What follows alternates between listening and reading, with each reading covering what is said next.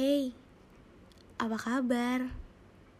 Semoga kabarmu baik ya. Hmm, sudah lama aku tidak menyapamu, tidak juga menemani hari-harimu. Tapi semoga setelah ini aku bisa terus menyapamu dan juga menemani hari-harimu. Ah, aku sampai lupa. Hai semua, aku Cici dan selamat datang di Cerita Caca Cici.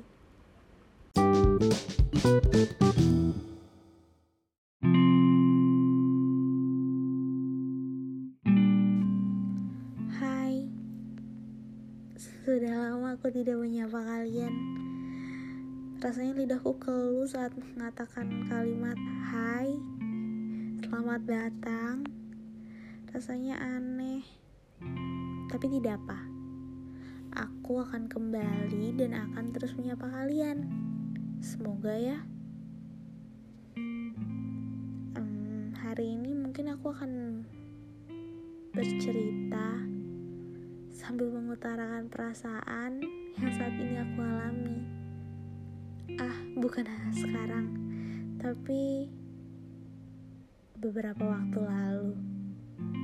Sebelum tahun ini, tidak terasa ya, kita sudah berganti tahun. Dan aku ingin mengucapkan selamat tahun baru. Iya, aku tahu sudah lewat. Tapi ini kan masih awal tahun. Jadi boleh ya aku ucapkan. Bagaimana awal tahun kalian? Harus menyenangkan ya. Kalaupun ada perasaan yang tidak diharapkan lalu muncul, nikmati saja. Semua kan ada hikmahnya. Begitu sih kata orang-orang. Hari ini aku akan bercerita tentang seseorang yang mengisi hari-hariku.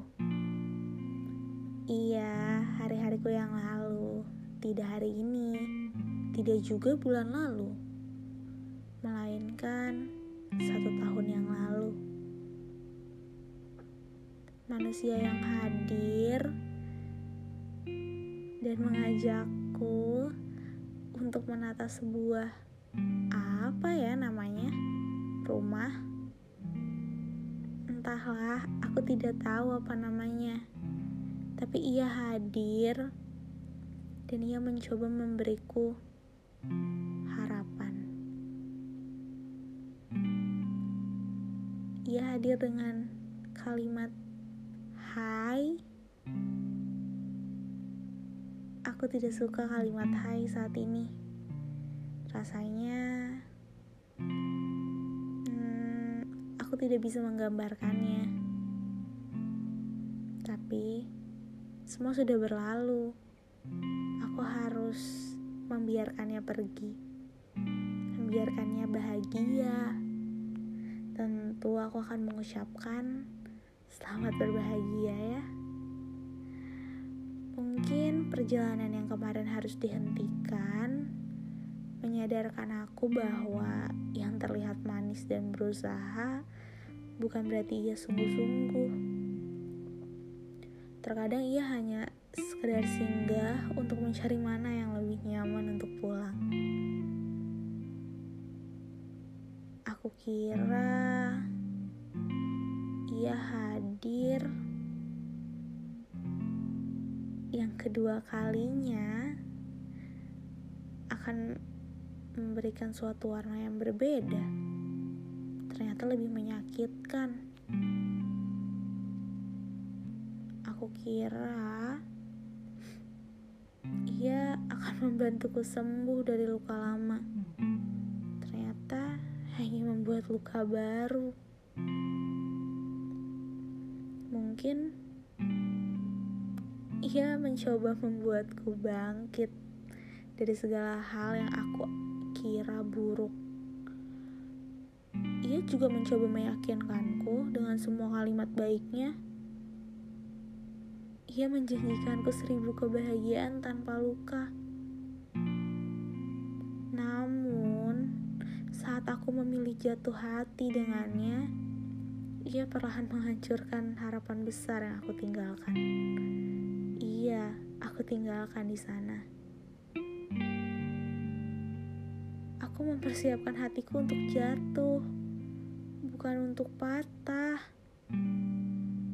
Beribu kali kalimat ini terngiang di pikiranku, berputar di kepalaku. Aku lagi-lagi kehilangan kehilangan manusia yang aku kira akan menemaniku sampai hari ini. Kehilangan harapan, kehilangan tempat, bahkan aku kehilangan diriku. Ah, tidak hanya sebagian, sebagian diriku dari rasa kepercayaan diri, kepercayaan terhadap orang lain, semua ia patahkan. Ia yang kukira tidak akan menyakitiku lagi, namun nyatanya menghancurkan segala yang aku harapkan. Kita memang berada di dalam buku yang sama, tapi ternyata kita berada di halaman yang berbeda. Tenang, ia hanya lupa ketika ia memilih dan menentukan ada hati yang tersakiti di sana. Ia ia tidak sadar itu. Ia juga lupa bahwa manusia yang ditinggalkannya juga bisa hancur dan patah. Tapi tenang saja, ia hanya lupa.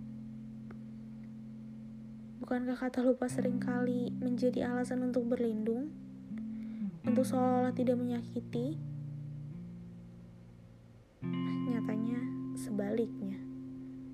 Iya, menurutnya yang ditinggalkan sekuat baja, sabarnya seluas lautan. Makanya tidak perlu merasa bersalah atas kalimat lupanya. Aku berusaha setengah mati menjaga perasaannya agar tidak hancur, tapi ia setengah mati juga mematikan semua yang aku percaya dan aku miliki. Bahkan di keadaanku yang tidak baik-baik saja. Aku ingat ketika keadaanku sedang patah-patahnya, ia mengajakku menari indah bersama harapan. Esoknya ia tempa dengan kenyataan. Iya, kenyataan yang akhirnya membuat aku sadar bahwa ia telah memilih rumah baru. Rumah baru yang sudah dia siapkan. Ironis.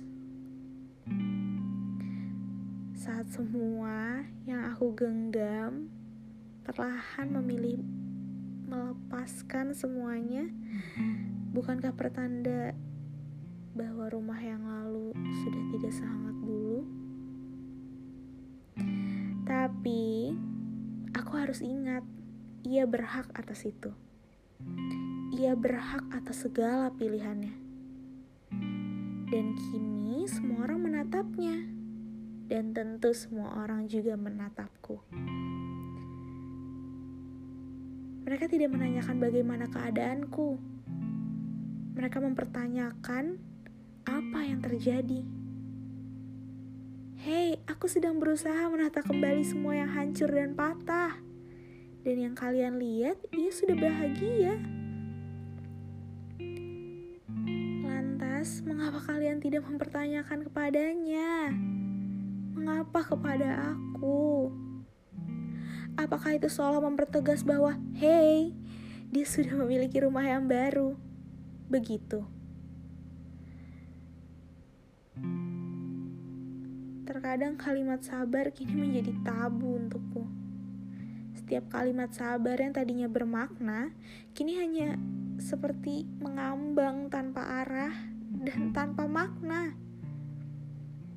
Yang perlu diingat, sabar tidak semudah mengucapkannya. Tapi untuk melakukannya butuh usaha yang besar. Perlu hati yang besar. Kini perlahan pahamku berakhir pada kalimat melepaskan dan mengikhlaskan.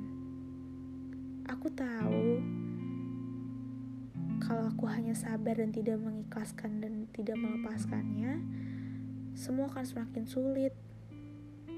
Dan aku juga tahu melepaskan dan mengikhlaskan tidak akan mudah, tidak akan secepat itu. Upaya melupakan tidak semudah membalikan telapak tangan, atau mungkin juga tidak semudah berkenalan dengan orang baru, karena semua perlu proses. Melepaskan bukan upaya mudah, bukan sekedar berakhirnya sebuah hubungan, tapi juga tersirat upaya melupakan. Bukan melupakan kenangan manis, melupakan hal-hal pahit yang terjadi tanpa aku duga, melupakan semua kenangan yang berakhir menyakitkan. Dan kalau ditanya bagaimana dengan kenangan manis, aku akan menjawabnya untuk disimpan, tapi tidak untuk dibuka lagi. Cukup aku kenang jauh di sana. Aku juga harus berupaya untuk membiarkan diri untuk tetap tersenyum. Harus menjaga hati agar tetap terlihat baik meskipun sudah ditusuk ribuan jarum.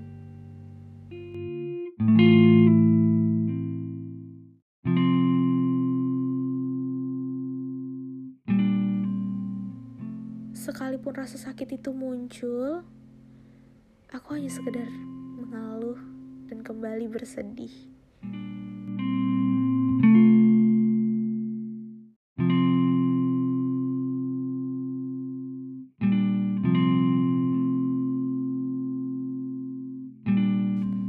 Seringkali aku mempertanyakan mengapa ia hadir.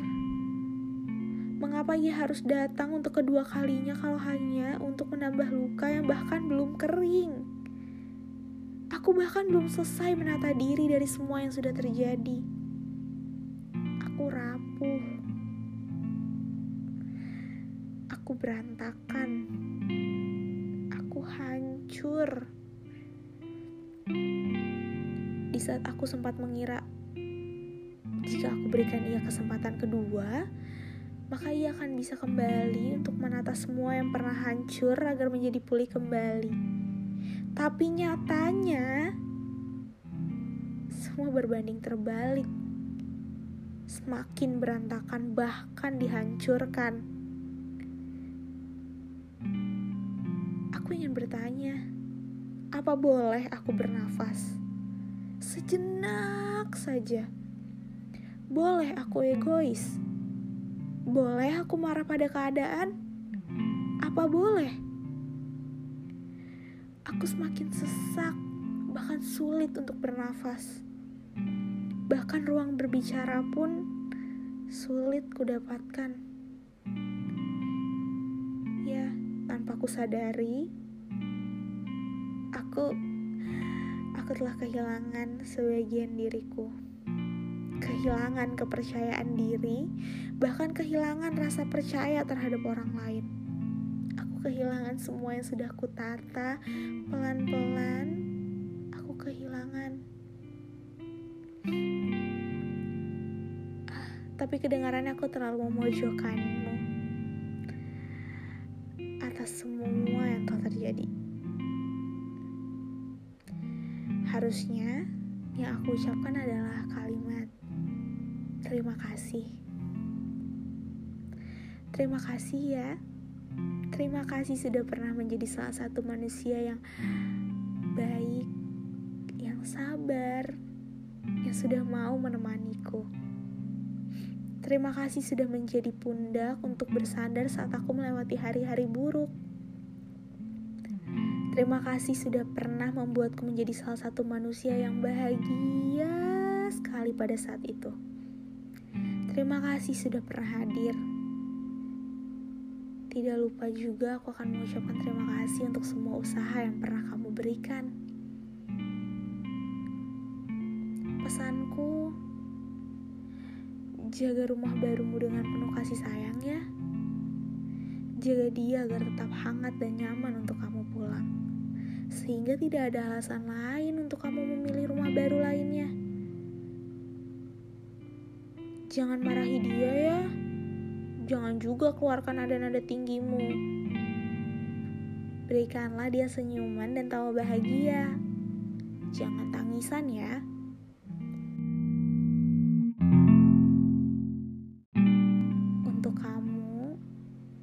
yang berada di sana, selamat berbahagia.